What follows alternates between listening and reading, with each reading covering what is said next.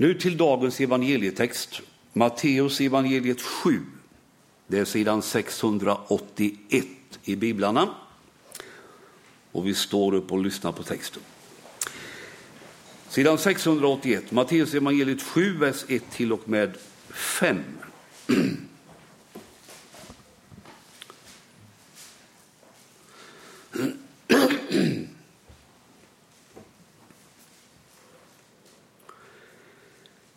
Döm inte, så blir ni inte dömda. Ty med den dom som ni dömer med skall ni dömas, och med det mått som ni mäter med skall det mätas upp åt er. Varför ser du flisan i din broders öga när du inte märker bjälken i ditt eget? Och hur kan du säga till din broder, låt mig ta bort flisan ur ditt öga, du som har en bjälke i ditt öga? Hycklare, ta först bort bjälken ur ditt öga, så kan du se klart och ta bort flisan ur din broders. Så lyder Herrens ord. Varsågoda och sitt.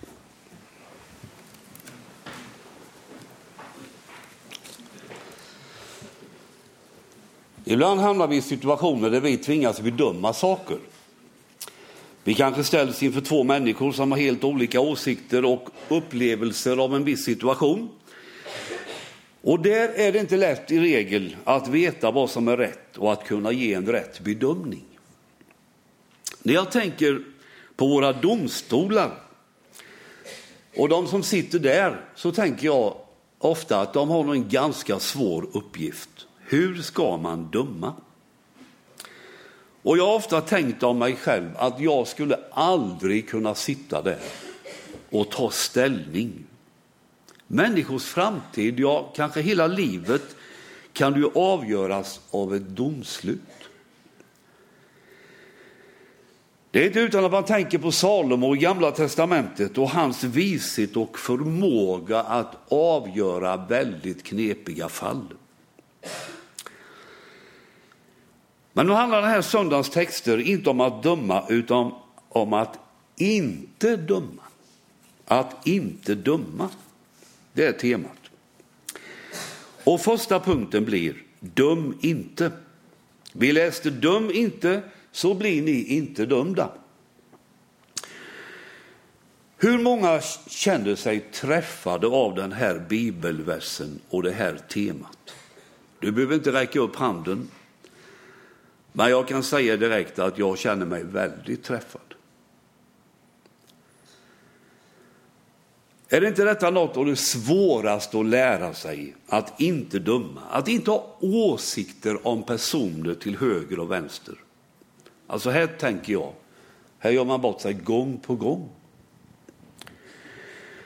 Vi läste om flisan i vår broders öga och bjälken i vårt eget. Tänk att det ibland är så lätt att se det lilla felet hos någon annan och inte se eländet hos sig själv. Vi behöver lära oss den enkla grejen att när vi pekar finger åt någon annan så pekar tre fingrar mot oss själva. Handlar det om att det finns mer att rensa bort hos mig själv än den jag pekar finger åt. Ta först bort bjälken ur ditt öga, så kan du se klart. Det handlar tydligen inte om någon liten dammpartikel i mitt eget öga, utan det handlar om något större. Något som sitter i vägen och hindrar mig att se.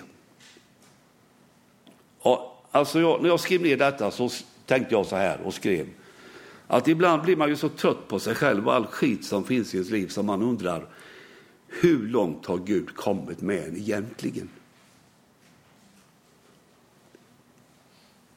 Man känner så väl igen sig i Paulus ord, det goda som jag vill det gör jag inte, men det onda som jag inte vill det gör jag.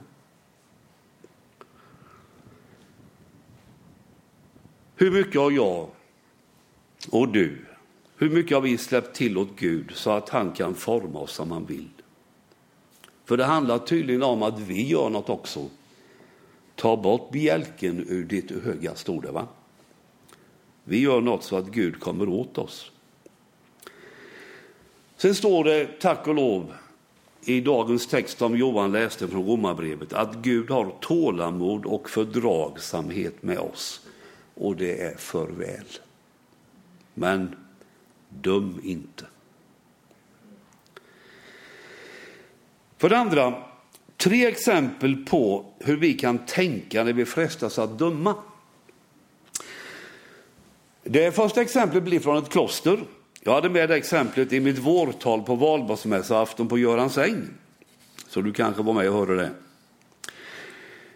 Det berättas om en ung munk i ett kloster som hade tagits på bar gärning av sina medbröder med, med att ha en kvinna på sitt rum.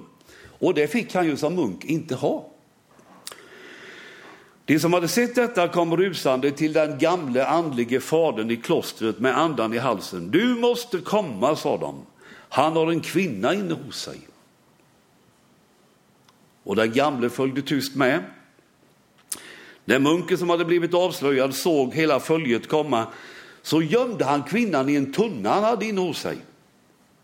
Och följet steg in. Sätt igång och leta efter kvinnan, sa den gamle och satte sig på tunnan. Och som hyenor så finkammade de unga männen den lilla boningen som munken hade. Hittar ni inget? frågade den gamla efter några minuter. De såg skamsna på varandra och så lämnade de rummet, en efter en. Den gamle reste sig från tunnan, gav den unge munken en mild blick och så gick han. Behöver det sägas att den unge munken fick ett stygn i hjärtat och omvände sig. Då tänker jag att ibland behöver människor mötas av vår mildhet. Det innebär inte att vi inte tar på allvar det som har hänt. Men en mild blick, ett milt ord kan tina upp det som är hårt och fruset. Det andra exemplet är kvinnan som de lärda männen har kommit på med att begå äktenskapsbrott. De ville stena henne. Nu undrar de vad Jesus säger i fallet. Först får han de här lärda männen att förstå att de har en bjälke i sina egna ögon. Så de känner så småningom att de har inte så mycket på fötterna längre. Så de lämnar Jesus och kvinnan ensamma. Och Jesus säger de förlösande orden, inte heller jag dömer dig. Och så fick hon förlåtelse av Gud. Men Jesus säger något mer, en mening som ofta glöms bort i den allmänna debatten när man citerar Jesus här. Alltså man citerar ofta detta, inte heller jag dömer dig, och så tänker man, ja det är inte så farligt, vi kan fortsätta att leva som vi gör. Men Jesus stoppar inte där. Va? Utan Jesus vill ha in kvinnan på ett nytt spår. Hon kan inte leva som hon har gjort hittills, därför säger han, gå nu och synda inte mer. Kanske vi möter människor vars liv riktigt har gått sönder därför att man har levt kanske helt galet. Det är fortfarande inte vår sak att döma. Men kanske vi kan visa på en väg som handlar om omvändelse och befrielse. Det tredje exemplet det är när Jesus säger att om en broder har gjort något orätt så ska man tala med honom i enrum. Om man inte lyssnar så ska man ta med sig två till och prata med den brodern. Om man inte lyssnar då heller, då ska man tala om det för församlingen. Och om brodern inte lyssnar på församlingen så ska man betrakta honom som en hedning eller tullindrivare. När vi hör det sista här så tänker vi lätt att då är det adjö med den brodern, då behöver vi inte bry oss om honom. Vi har inget längre med honom att göra, han är utanför, han är dömd. Nej, så ska man nog inte se det. Vi ska betrakta honom som tullindrivare, hedningar stod det. Och hedningar och tullindrivare, det var ju de som Jesus ville dra in i Guds rike. va? Så poängen är här att om någon inte lyssnar på tillrättavisningar och har hamnat utanför så ska man göra bönen än mer intensiv för den brodern. Och andra saker också. För att få den tillbaka in i gemenskapen. Och då vill jag bara stryka under att en bra väg att gå för att inte hamna i fällan att döma och rota i det som har varit. En bra väg att gå här, det är bönens väg. Bön förändrar den människan vi ber för och det förändrar vår inställning till den människan som vi ber för. För det tredje, fyra medel som kan prägla våra liv. Det är släkt med punkten innan, men man måste ha struktur i predikningarna så man får ordna till det här lite. Fyra medel som kan hjälpa oss att inte hamna i dömande. För det första bönen, jag nämnde om den nyss. Det ligger en förunderlig kraft i att be. Vi har nog alla den här brottningskampen i våra liv, att vi har människor i vår närhet som vi kanske inte har så lätt för. Och de vi inte har så lätt för, det ligger väldigt nära till hands att kritisera och döma. Och jag tror att bönen är ett botemedel. För det man ber för är det inte så lätt att tala illa om. Och som jag sa nyss, bön förändrar den du ber för och det förändrar dig själv. Bönen kan förändra ditt hjärta från ett kallt och dömande hjärta till ett hjärta som blir fyllt av kärlek och värme. Gud gör något i oss när vi ber. Be för dem som förföljer er, säger Jesus. Eller vi kan säga be för dem som du har svårt för. Det andra är förlåtelsen. Om jag har förstått Bibelns tanke rätt så, så är den så här. Vi har fått så mycket förlåtet. Jesus bar all vår synd och elände upp på korset och dog för det.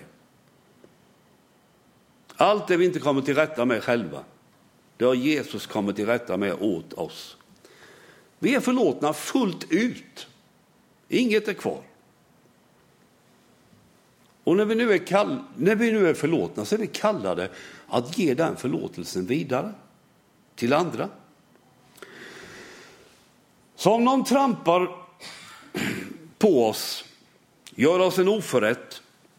Nu pratar jag inte om kränkningar och mobbning och sådana grejer, för det måste man ta itu med på ett annat sätt naturligtvis. Va? Men om någon gör oss en oförrätt, kanske ber om förlåtelse, eller kanske inte vet om att vi tycker att vi är orättvist behandlade. Att vi i vilket fall är förlåtande. Det är lätt att döma, men vår väg är förlåtelsens. Så vad har vi att göra när vi tycker att någon har burit sig dumt åt mot oss? Jo, det är att vända oss mot korset och se att Jesus har gjort allt för oss. Och när vi ser det, då kan vi vara generösa och låta förlåtelsen strömma till andra och själva bli befriade. En annan sak är kärlek. Jag tror att vi kallar det att visa kärlek. Älska era fiender, säger Jesus i bergspredikan. Och jag tror att kärleken behöver visa sig i handling. Och än en gång, det har jag sagt så många gånger härifrån, tänk inte för stort. Tänk på de små handlingarna. Gör små saker med stor kärlek. Moder Teresa. Och i Romarbrevet kan vi till och med läsa men om din fiende är hungrig, ge honom att äta. Är han törstig, ge honom att dricka. Då samlar du glödande kol på hans huvud. Det är lätt att döma, men vi är kallade att älska. Och när vi visar kärlek genom små gärningar, då händer något hos vår medmänniska som gör att det mjuknar. Liksom. Och om vi ser det från den personens sida så är det ju inte så lätt att bli gramse på den som hela tiden genom sitt liv, gång på gång på gång, visar kärlek. Besegrade onda med det goda. Det kan ske när kärleken får prägla våra liv. Och en sak till under punkten här, välsignelsen. Detta är fantastiskt med Guds välsignelse. När vi ber den i gudstjänsten, då ber vi in Guds godhet i, våra, i vår gemenskap och i våra liv. Och de tillfällen som mest tar tag i mig när jag får be om välsignelse över människor, det är när jag gör det på våra äldreboenden. Här finns människor som har kämpat hela livet, många svaga, många har inte minnet i behåll. Att det får be om Guds välsignelse, Guds godhet in i deras liv, det tycker jag är så stort.